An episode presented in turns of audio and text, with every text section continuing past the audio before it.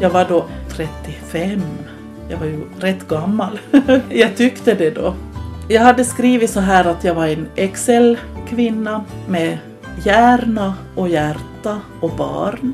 Och att jag sökte då en man från 06-området då som eh, ville ha som ett förhållande och att det skulle vara någonting att satsa på, att det var som seriöst. Och jag fick nog 10-12 svar. Det här säger Katarina Westersund i Jakobstad och det är henne ni nu ska få höra i ett samtal om livet. Jag som har gjort programmet heter Ann-Sofie Sandström. Var det lätt hitta eller hade du liksom... Nej, det var lätt att hitta. I höstas fick jag e-post av en kvinna som ville tipsa om ett par personer som hon tyckte att skulle passa i det här programmet. Och det var på det sättet jag kom i kontakt med Katarina Westersund. Behöver du socker eller Mjölk har jag gärna, det ska jag åtminstone själv ha. Mjölk brukar jag sett men... När vi pratade i telefon förstod jag att samtalet bland annat skulle handla om att hitta kärleken lite senare i livet och om att först vara ensam mor och sen få barn på nytt när man närmar sig 40. Så jag var 38 och 39 år då, då jag fick de här yngre barnen. Och eftersom Katarina var sjukskriven när jag ringde och pratade med henne så förstod jag att vi också skulle prata en del om utbrändhet. Jag såg i dagens tidning nu att, att man önskar att arbetsdagarna och arbetsveckorna ska förlängas ännu. Och jag satt vid köksbordet med min frukost och tänkte, ja, sådana som jag då. Jag har varit sjukskriven nu för utmattningsdepression sedan september. Funderar hur jag överhuvudtaget ska kunna gå tillbaka. Att hur blir det som med oss? När jag frågade Katarina var hon ville att vi skulle göra inspelningen så sa hon att hon gärna kom hem till mig. Så vi träffades i Nykarleby i januari. Du sa att du skulle vara någonstans en viss tid? Ja, halv tre skulle jag behöva tillbaka. Men ja, nu ska jag kanske stänga av Ja, det ska jag göra.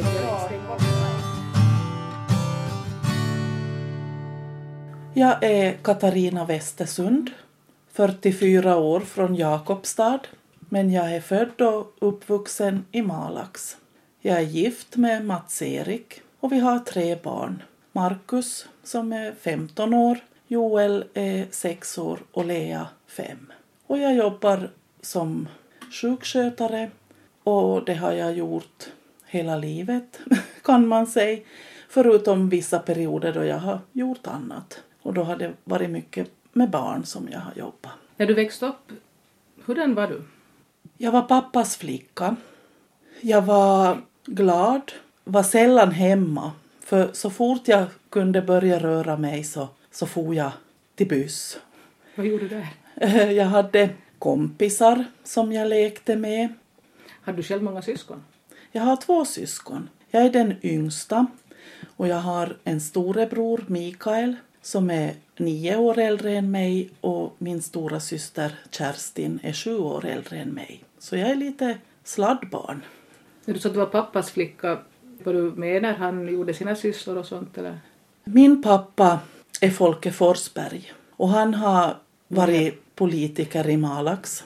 Han var under en ganska lång tid fullmäktiges ordförande i Malax och, och var borta mest hela tiden.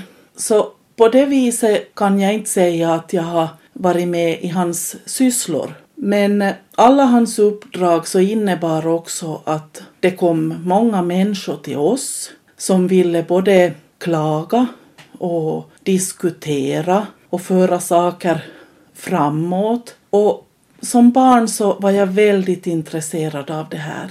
Det var så spännande att sitta under bordet och lyssna på de här äldre som pratade och på de här gubbarna som visste så mycket om världen och, och livet och, och det här hur, hur samhället skulle... Du vet, det här var på, på 70 och 80-talen då, då det hände så mycket i Finland och i, i våra kommuner. Jag har nog fått mitt samhällsintresse från det här. Men vad hade han för yrke? Var han politiker Han var bonde. Han var själv- svinfarmare. Tänkte du någon gång själv att du skulle vilja ägna dig åt jordbruk? Nej, aldrig. Det kom nog aldrig för mig att jag skulle göra det. Men jag hade andra intressen. Det var det här samhällsintresse. Det var intresse för människor. Jag ville hjälpa. Jag ville finnas till hands. Och i min ungdom så hade jag planer på att bli diakonissa. Men i något skede då så blev det inte så, utan jag utbildade mig till primärskötare först och blev klar med det 1990.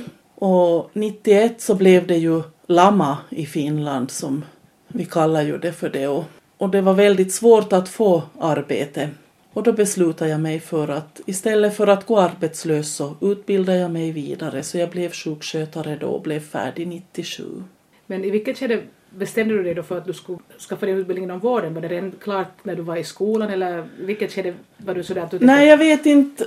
Egentligen, det var nog någonting bara som, som blev så. Jag vet inte om jag någon gång har haft sådana riktigt klara mål i livet utan jag har halkat på bananskal och, och det ena har gett det andra och, och ännu idag fast jag är 44 år så är livet ganska sådär oklart. Jag vet inte ännu vad jag ska bli då jag blir stor. Jag är en sökare och det har jag varit hela livet.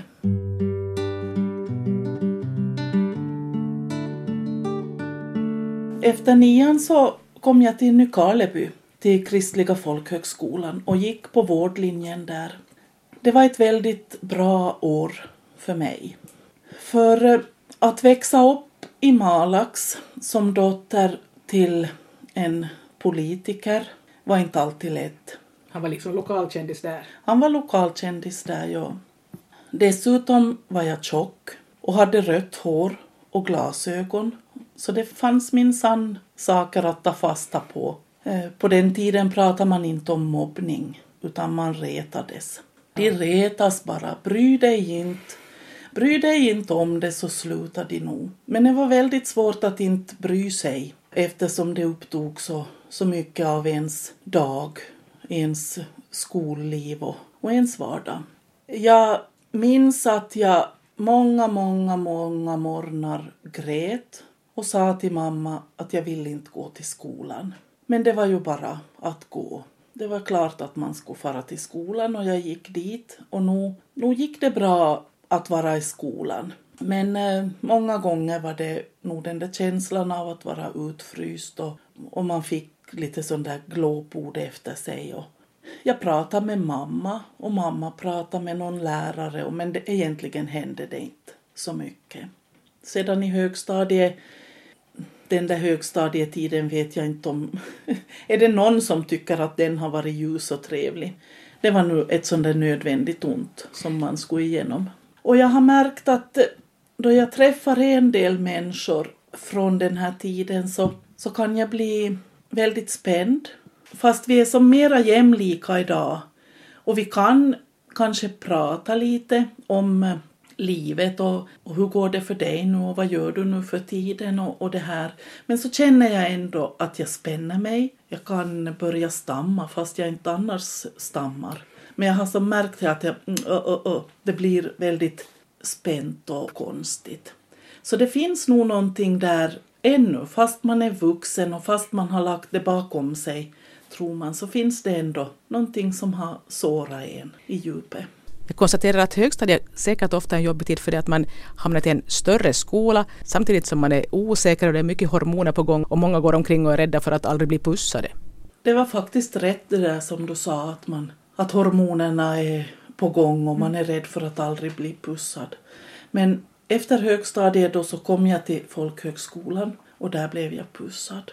Faktiskt för första gången.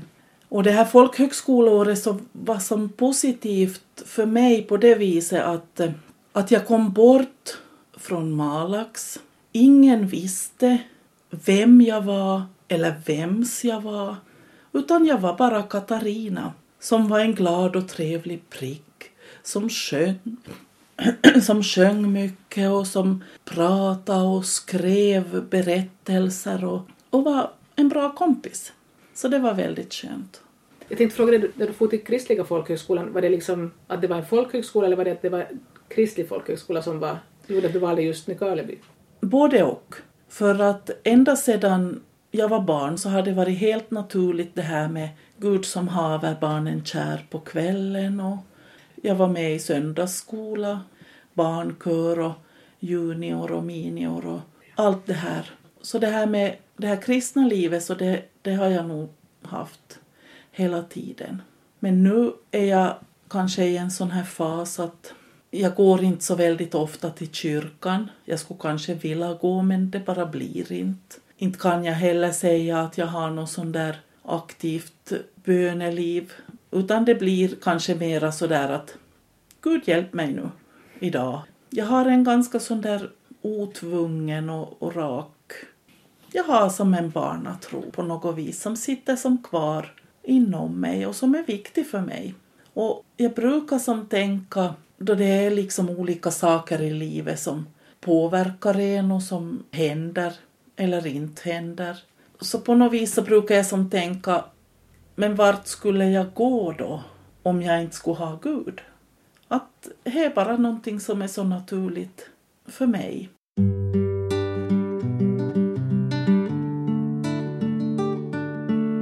Katarina Westersund sa för en stund sedan att hon inte ännu vet vad hon ska bli när hon blir stor. Hon är utbildad sjukskötare så jag frågar om hon ändå trivs med sitt yrkesval eftersom hon har stannat kvar i sin bransch. Jag har stannat, men jag har inte alltid trivts. Det ska jag ärligt säga.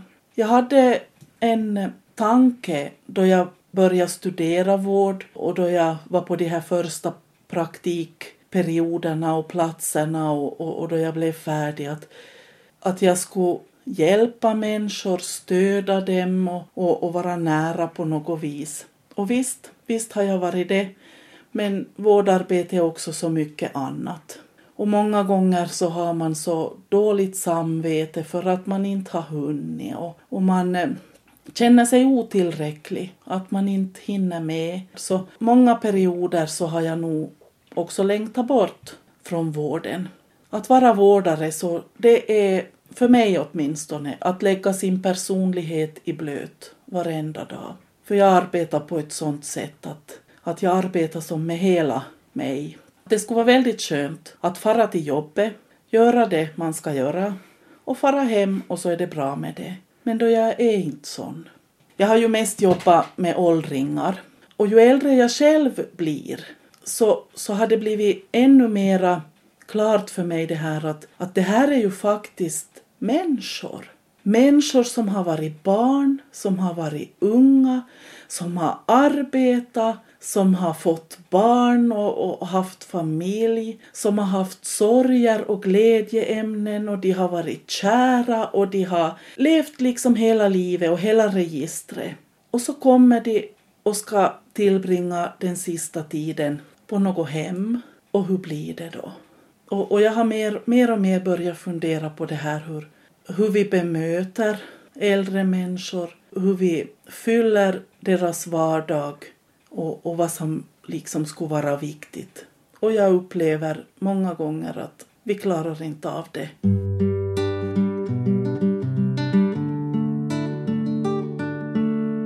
Katarina Westersund jobbar inte för tillfället utan hon har varit sjukskriven för utmattningsdepression sedan september. Jag har nu senast jobbat i Kronoby så jag har 32 kilometer att köra en väg. Jag har jobbat två skift, morgonskift och kvällsskift. Det betyder ju tidiga morgnar då man ska vara färdig, färdigt omklädd och upp på avdelningen klockan sju. Så jag har väckt de här mindre barnen kvart före sex och de har bara kommit upp, klätt på sig och, och så har vi farit iväg. Kvart över sex har jag fått in dem då på dagis och, och så har jag kört iväg. Dessutom så arbetar min man skift. Han är lantbruksavbytare och det betyder då att han far på morgnarna, börjar oftast klockan sex på morgonen, kommer hem på förmiddagen, allt mellan klockan nio och tolv och så är han hemma då en stund på eftermiddagen och så ska han ut igen. Fyra, halv fem tiden börjar han då och kommer hem åtta, nio tiden då på kvällen. Och det här har nog varit en utmaning också att, att få det här vardagslivet att det går. Och i Jakobstad har vi bra dagvård. Det finns skiftesdagis. Men jag har nog känt eh, en längre tid att, att väggen håller på att, att komma emot. Att det har varit svårt det här att, att pussla ihop livet. Också det här att, eh, att man har ett barn som är 15 och de andra som är betydligt yngre. Hur ska man räcka till för allihopa? det är lite olika behov och olika saker som är viktiga för dem. Och man försöker ju sitt bästa förstås. Men sedan det här att, att eh, man egentligen ganska sällan är ledig på samma gång. Och jag brukar säga att eh, en romantisk lördagkväll hos Västersunds, det kan vara att sitta och planera dagislistorna. För att det, det kunde vara en lördagkväll som man hade gemensamt och då sitter jag med min arbetslista och han med sin och så planerar vi när barnen ska vara på dagis och, och då får du hämta dem där och så hämtar jag dem där och så försöker man få ihop det.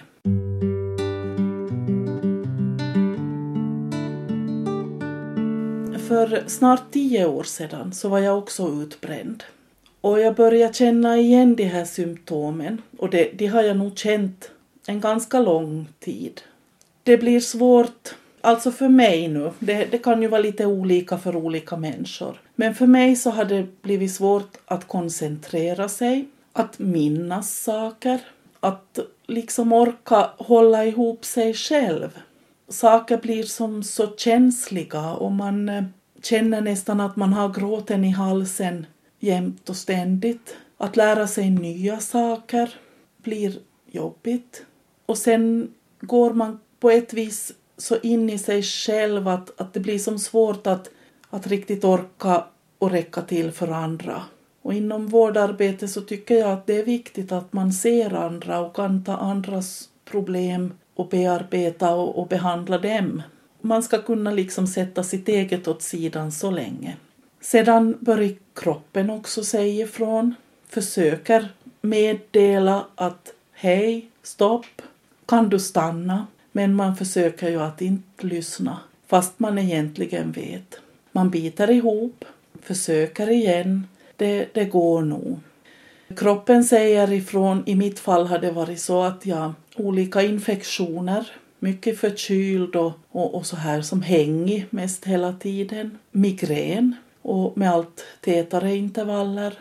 Tarmarna fungerar inte som de ska och, och mycket sån här ångest tillstånd. Ett tryck över bröstet och man vet inte riktigt hur man ska andas och, och just det här att, att man biter ihop och, och försöker och, och känner den här klumpen i bröstet och i halsen och, och tårarna bränner bakom ögonen. Och, men ändå så bara tvingar man sig att och då i september, det hände ingenting speciellt. Men jag bara insåg att det här måste jag stoppa nu innan det liksom går för långt. Och jag tänkte att det blir inte så lång sjukskrivning om jag stoppar det i tid. Men nu har vi januari och, och ännu så känns det sådär att jag är inte färdig för arbetslivet ännu. Men jag har hopp. Jag har också glädje. Jag har jag har mycket positivt i mitt liv som, som kanske har kommit fram nu också tack vare det här att jag stannade upp. Katarina nämnde att hon har varit utbränd en gång tidigare för snart tio år sedan. Så jag frågade henne hurdan hennes livssituation var då. Jag var ensamstående mamma till Markus. Det är den här 15-åringen som var, jag har. Bodde du då i Jakobstad Då bodde jag i Malax. Jag arbetade som ansvarig vårdare på ett serviceboende för äldre. Jag var, hade ställt upp i kommunalvalet så från 2001 då och, och den perioden så, så satt jag i fullmäktige. Till min stora förvåning så, så var jag röstmagnet i Malax då. Och eh, jag kände att jag måste ta mitt ansvar. Så jag diskuterade lite med, med olika människor och, och så tänkte jag att, att, att bli fullmäktiges ordförande, det, det vill jag inte och det tror jag inte heller att jag skulle klara av. Men jag blev då fullmäktiges första vice ordförande och det förde med sig många uppdrag och, som jag då skulle vara med på. Och då var jag, ditt barn, han var ganska... Han var liten då, han var två år då, då jag, för han är född 99. Plus att jag arbetar heltid då som ansvarig vårdare och eh, det blev för mycket. Det var sist och slutligen bara ett eh, förfluget ord i en diskussion som gjorde sen att jag liksom brakade ihop. Jag for hem då sen och, och grät och insåg att nu måste jag ta paus. Då är det väl ganska tungt i sig själv också att vara ensamstående mor. Ja, det var nog det. Och, men mina föräldrar ställde ju upp jättemycket. Och min mamma berättade att då de tittade på fullmäktigemötena då via lokal-tv så stod Markus nedanför tvn då jag var i rutan och, och pratade och han sträckte upp armarna och kunde inte förstå varför jag inte tog honom i famn. Klart att det var utmanande det här att vara ensam och, och inte ha någon att dela. Både det här, allt det där positiva och glädjen med att ha ett barn. Och, Fanns hans pappa aldrig med liksom i hans vardag? hans pappa har aldrig varit med i hans vardag. Nej. I samband med den här utmattningen som jag hade då 2005 så den förde ju också någonting gott med sig. Den gjorde då att jag träffade min man. För att eh, då jag var sjukskriven då så gjorde jag två saker som jag inte skulle ha gjort annars. Om allt skulle ha varit som det brukar vara så skulle inte jag ha gjort de två sakerna. Den första saken var det att jag ringde till Rickard.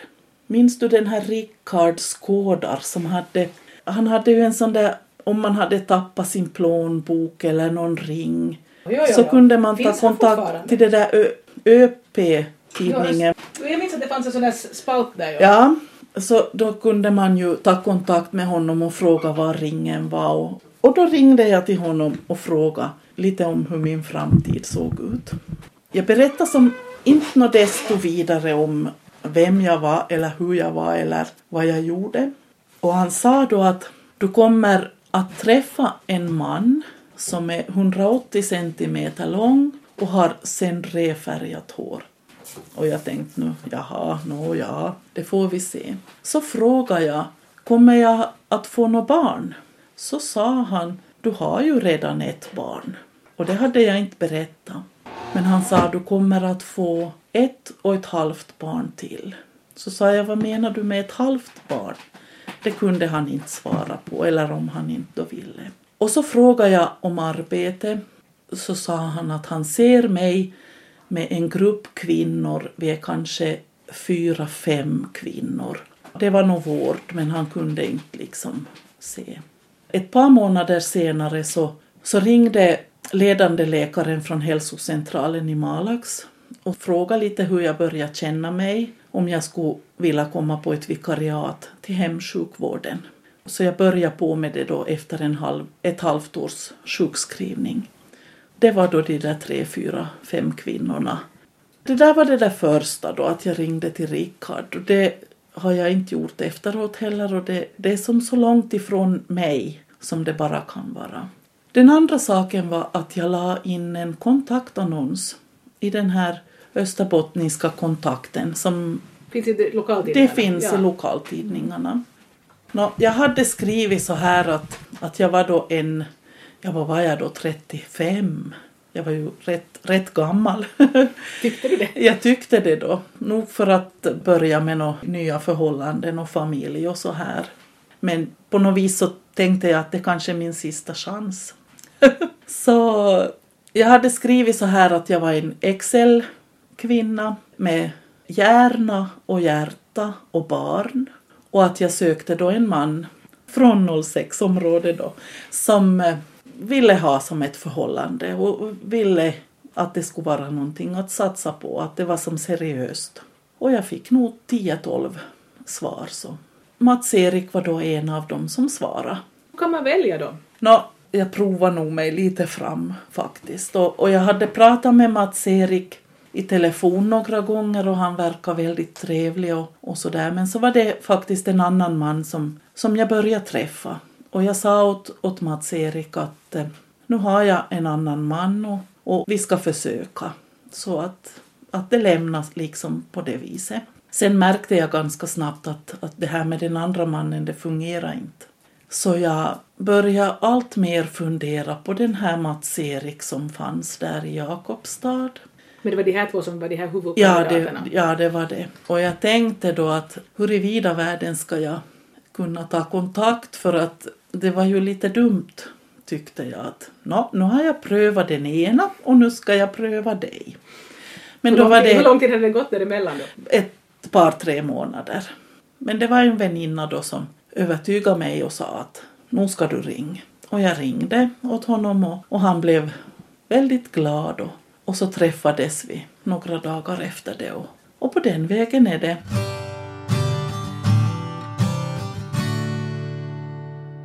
Mats-Erik kom då till Malax och hälsade på mig då den här första gången och, och jag, jag minns då jag steg ut på trappan och han, han steg ur bilen och han kom med långsamma steg mot trappan och då vet jag att jag tänkte Katarina, nu ska du sätta bort, bort allt strunt.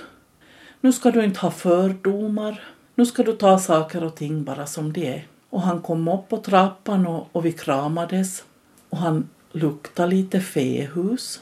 Och det redan skulle ha kunnat vara en sån där att nej, det här vill jag inte ha. Men jag intalar mig själv, nu ska du låta det här bara vara som det är. Och så ser vi hur det blir. Och ganska tidigt då i vårt förhållande så, så sa jag åt, åt Mats-Erik att jag vill att vi ska vara tillsammans. Jag vill att vi förlovar oss och gifter oss och jag vill att vi ska bo ihop. Jag vill skaffa familj om det går. Vill inte du det nu så ska du säga till. För jag tänkte att jag var 35, skulle snart fylla 36. Att varför skulle jag mera gå in i, i någon sån här som inte jag eller som jag liksom från början visste att det här blir till ingenting. Det här är lite tidsfördriv, det här leder liksom ingen vart. Och då svarade han att vet du det vill jag också. Och då visste jag. Och, Hade han varit gift någon gång tidigare? nej, han är ett år yngre än mig och hade varit själv då hela livet. En riktig sån där gambepojk. och jag har frågat honom flera gånger. Vill du tillbaka till ditt förra liv? Nej, aldrig, svarar han. Och jag är liksom så, jag är så säker med Mats-Erik, för han, han säger också så här att inte byter jag någon kvinna mer. Och han är som en klippa, som så säker i sig själv och riktigt en sån där som jag behöver. Så det lyckades Det lyckades. via kontaktannons? Jag brukar säga också med Mats-Erik att, att om vi skulle ha träffat varandra då vi var 20 år så kanske inte det alls skulle som ha klickat heller. Jag tror nog att åtminstone jag behövde den här mognaden och, och det här för att riktigt fatta vad jag ville ha, vad jag ville ge och, och vad det riktigt var det här. Och Mats-Erik är den bästa mannen. Han är liksom det bästa som har hänt mig. Så bara man vågar liksom släppa de här fördomarna och de här... Man tänker så mycket. Ja, han är nog si och så. Och så, så finns det liksom en, en sån pärla där in i, i människan som, som är värd att ta vara på.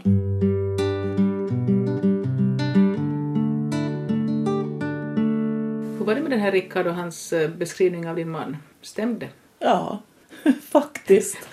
Det var faktiskt eh, i ett ganska tidigt skede som jag frågade då att hur lång är du? Och han var 179 så, så det, det stämde ganska bra. Och så har han sån där, han är nog varken ljus eller mörk men lite sådär mittemellan. Så det stämde ganska bra. Sedan det här att vi skulle få ett och ett halvt barn så jag har faktiskt haft ett missfall också. Så jag brukar tänka att kanske det var det halva barnet. Men ni har ju två. Vi har två. Han räknar lite fel men jag kastar lite bara.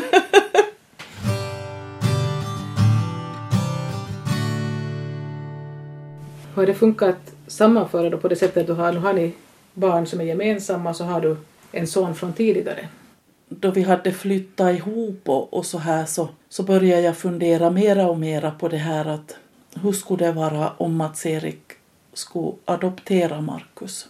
Jag stötte och blötte det här med mig själv ganska länge. För eh, jag tänkte att kan det vara någonting som avskräcker? Men eh, till sist tog jag upp det till diskussion och så säger Mats-Erik då på sitt självklara sätt Ja, men det har jag också tänkt. Så det var liksom så självklart då sist och slutligen att, att Mats-Erik skulle adoptera Markus. Så han fick också då namnet Västersund och och vi känner oss som en, en hel familj. Jag frågar om man i sådana här adoptionsfall måste ha något sorts tillstånd av den biologiska pappan. I och med att den här biologiska pappan har aldrig erkänt något faderskap, då behövdes det inte.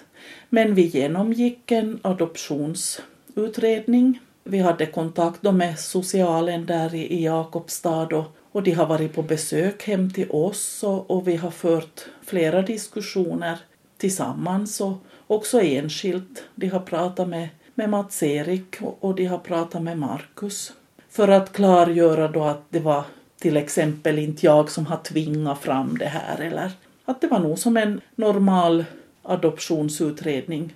Men skedde adoptionen före ni hade fått egna barn? Ja, eller egentligen så hade vi hunnit, innan allt blev klart så hade vi hunnit få Joel, men eh, det påbörjades nog då innan.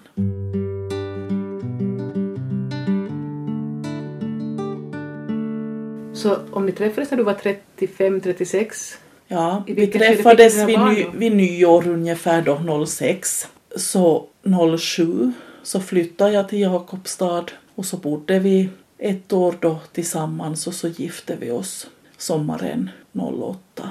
Och Joel är också född då på sommaren, samma sommar, två veckor efter vår vigsel inom äktenskapet. och eh, ett år och fem månader senare då så kom Lea. Så jag var 38 och 39 år då, då jag fick de här yngre barnen. På gott och ont.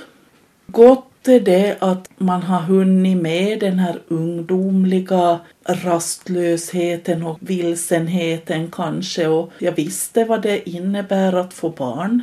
Jag var 29 år då jag fick Markus. Jag hade ju varit ensam med honom och det var, det var ju en utmaning men det var också en utmaning att plötsligt vara två om det hela för det var som nytt också för mig. Sen det här som kanske har varit lite mer negativt så det har varit att Markus var ändå så pass stor att jag hade på något vis satt den här småbarnstiden bakom mig och jag visste vad den här babytiden och de här småbarnsåren att det kräver oerhört mycket. Å ena sidan ville jag ju ha barn och, och, större familj men å andra sidan så njöt jag också av en sorts frihet och en att kunna kanske gå vidare i livet med nya saker också så här arbets arbetsmässigt eller, eller att studera eller någon sån här. Så det var lite tveeggat nog. Barnen är planerade, de är älskade. Jag kan inte heller tänka mig ett liv utan dem. Men eh, det har inte bara varit lätt, det erkänner jag.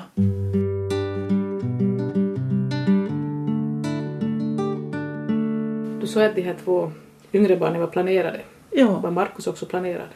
Markus var absolut inte planerad. Jag var i Sverige och jobbade.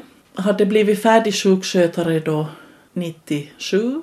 Så hade jag en, en väninna som eh, jag umgicks mycket med då på, på den tiden och, och hon ville se någonting annat. För hon tyckte att hon hade bara varit i hemknutarna och, och, och ville gärna se lite mer av världen. Och jag var lös och ledig och, och tänkte att ja men varför inte? Så vi, vi sökte och fick jobb i Stockholm. Och jag blev ganska snabbt blixtförälskad i en afrikan. Och lika hastigt som jag hade blivit förälskad så märkte jag att, att det här var ingenting för mig. Snabb förälskelse och då den var slut så märkte jag att jag var gravid. Och jag tänkte att jag tar ansvar för det som jag har gjort. Så jag flyttade hem till Finland och tillbaka till Malax efter att jag hade varit och pratat med mina föräldrar. För det var lite skämmigt. Och jag tänkte att hur reagerar folk i Malax på det här? Först var det det här att hur skulle mina föräldrar reagera? För vi, alltså vi var ju så himla präktiga. på något vis. Så att då liksom bryta det här präktighetsmönstret så, så det var så det var jag kanske först och främst lite sådär att ja, hur ska mina föräldrar reagera? Och, och sedan förstås det här att vara ensam mamma.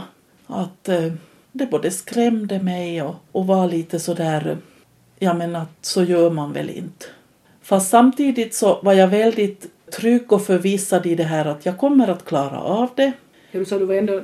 Jag var 29 Ja, år okej.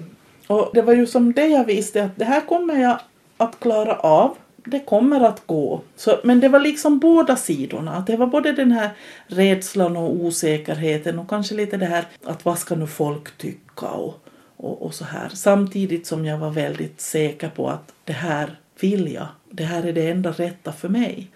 Så jag var hem och berättade för mina föräldrar hur det var och frågade dem att får jag flytta hem till Malax? Att jag kan stanna i Stockholm om ni vill. Min eh, pappa blev alldeles vit i ansiktet. Vi satt vid köksbordet där hemma hos mina föräldrar och han blev alldeles vit i ansiktet och så satte han pannan mot bordsskivan. Han var, han var tyst. Det kändes ju som flera minuter men det var nog säkert inte det. Och så lyfte han huvudet och så tittade han på mig och så sa han Klart du ska komma hem. Och då var saken klar och då kände jag att jag har stöd. Jag kan flytta hem och, och det här ska jag och min familj klara av. Så jag flyttade då hem i april 99 och i juli 99 då så är Markus född. Min syster var med på förlossningen och så hon brukar säga att hon var den första som såg Markus. Det är klart att han är i en väldigt speciell situation. Och jag har ända från början varit ärlig med Markus och berättat hur det är. Att din pappa är afrikan, men han ville inte vara med oss. Men jag ville ändå ha dig och föda dig och, och, och det här och jag försöker som ta hand om dig på bästa vis. Så han har nog som alltid vetat och jag har sagt åt honom att om du vill ta kontakt med pappa, din biologiska pappa, så, så gör vi det. Att du behöver aldrig vara rädd att liksom ta upp det här med mig, hur, hur det är och, och fråga och, och försöka ta kontakt. Och, för jag förstår ju att, att han kan ha tankar och funderingar och vi har försökt ta det som det kommer. Finns han i Sverige fortfarande? Eller? Ja, jag tror det.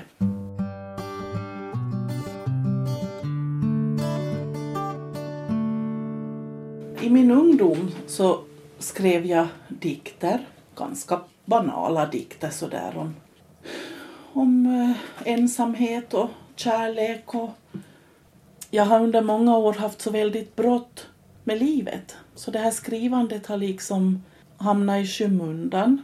Men nu märkte jag, och det var nog inte bara i höstas då, då jag blev sjukskriven, utan också innan dess, att jag ville skriva.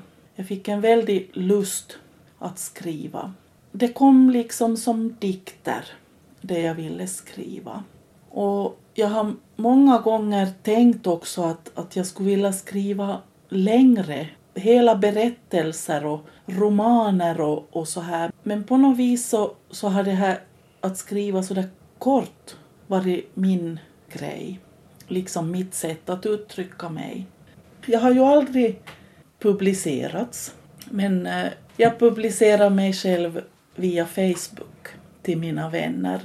Inte allt som jag skriver men ibland så sätter jag upp då på, på Facebook någon dikt som jag har skrivit. Och oftast så kan det vara det att jag, jag sitter vid Facebook, kollar lite vad andra har skrivit och så kan det vara någon mening eller något som jag har liksom fått till mig i något annat skede. Det kan vara att jag har kört bil på riksåttan och så ser jag hur solen ligger och dallrar där ovanför träden. Och, och så. Det kan bara vara någon sån, sånt där. Och så är det en mening som liksom följer mig och kan följa mig en dag eller två. Och jag känner hur de här födsloverkarna sätter igång. För det, jag brukar jämföra det med att man föder barn. För det verkar och verkar och måste ut. Det verkar i själen och det ska ut. Så kan det vara då att jag sitter vid Facebook då till exempel och, och kollar vad andra har skrivit och så kommer den där raden, den där meningen som jag har funderat på. Och så bara klickar jag då på min status och så skriver jag. Och ibland då så låter jag det gå vidare då att, att jag publicerar den på det viset. Och ibland bara flyttar jag den då till något dokument som jag har och så och tar bort den från det här facebookflödet. Jag skriver inte heller för att det är någonting som jag skulle som leva på eller, eller så här utan jag skriver för att jag lever. Och det, det är väldigt skönt det här efter den här förlossningen då. Att ligga där med sitt barn på bröstet. Det är det. Det är lite samma känsla. Man är väldigt trött och utmattad men ändå så himla lycklig över att här är nu mitt barn. Jag, jag skulle printa ut några men så kom en hel. Jag tänkte nå ja, jag tar med. Jag har en, en som... Här Vi delar fisk och bröd. Min blick söker din. Du uppfattar det och du ler. Vi säger inte mycket, bara att regnet håller i sig och att vi väntar på vinter, funderar om allt är ställt för kölden och gläds över växande barn. Fisken är god och brödet och vi delar det, delar var dag.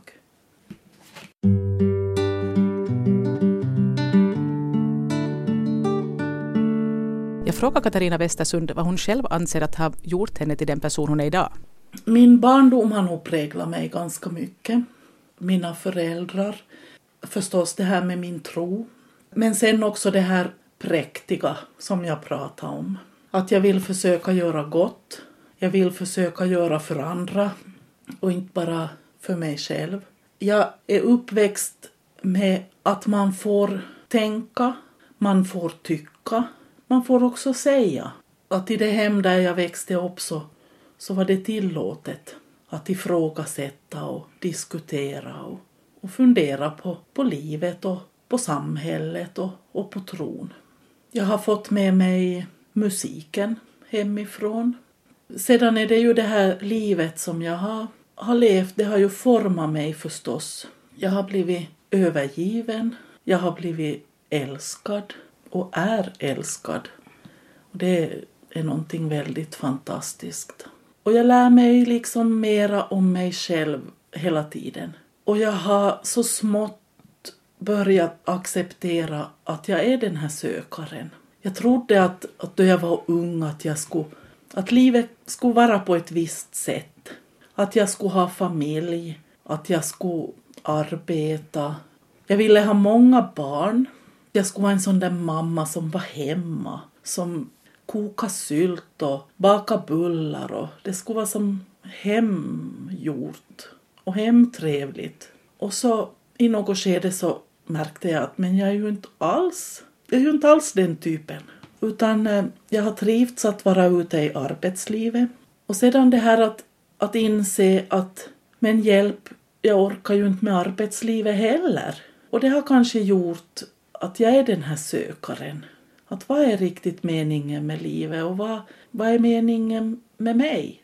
Och det är väl kanske det som jag håller på och lär mig acceptera. Jag är sån här. Jag är kanske inte vad jag hade trott att jag var eller skulle bli. Men nu är jag så här. Och det är, okay. och det är ganska okej. Okay. Ganska bara? Ganska. Ja, nej, det är, nog, det är okej. Okay. Jag ska fylla på lite kaffe åt dig. Det är bra så tack. Och ta plockat upp så finns det i burken här. Mm. Fastän vi nu då har, har hittat varann, Mats-Erik och jag, så är han ju inte den där mannen som jag blev kär i. Och jag är inte heller den där samma kvinnan. Vi ändras ju som hela tiden. Fast inte kanske är så, så tvära kast. Men att he, livet formar oss. Och vi har ganska så där öppet och, och ärligt för varandra också gjort klart det här att, att vi vill satsa på det här. Att vi vill vara tillsammans men det kan också komma saker på vägen som, som man kanske inte har tänkt. Att livet blir liksom inte så där som man har tänkt. Men man tar ändå det där beslutet att jag väljer att älska dig idag också. Men det handlar då inte om det här att man har hoppat i galen tunna och, och, och väljer att stanna där. Men ändå som ett sånt där ganska medvetet val. Jag tycker det är så bra det som min man brukar säga att, att vardag, det blir det med vem som helst och med allihopa.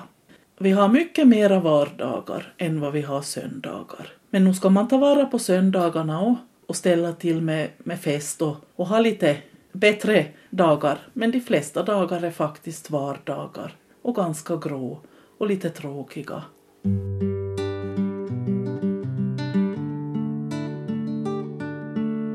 Man ska leva i nuet och försöka ta vara på, på det man har nu. Men ändå är det som man skulle uppleva livet i backspegeln på något vis. Och det, det är många gånger som, som jag har tänkt också att men vad bra att inte det blev så där. Fast man i något skede kanske har önskat någonting väldigt hett eller velat någonting. Att skulle inte han kunna älska mig som jag älskar honom? Eller skulle inte jag kunna jobba med det eller studera det? Och så märker man sen då det har gått några år, men vilken guds tur jag hade som inte behövde vara i det där. Så många gånger är det som man skulle som fatta livet sen i, då man tittar i backspegeln. Du har hört ett samtal om livet med Katarina Westersund i Jakobstad. Och jag som gjorde programmet heter Ann-Sofie Sandström.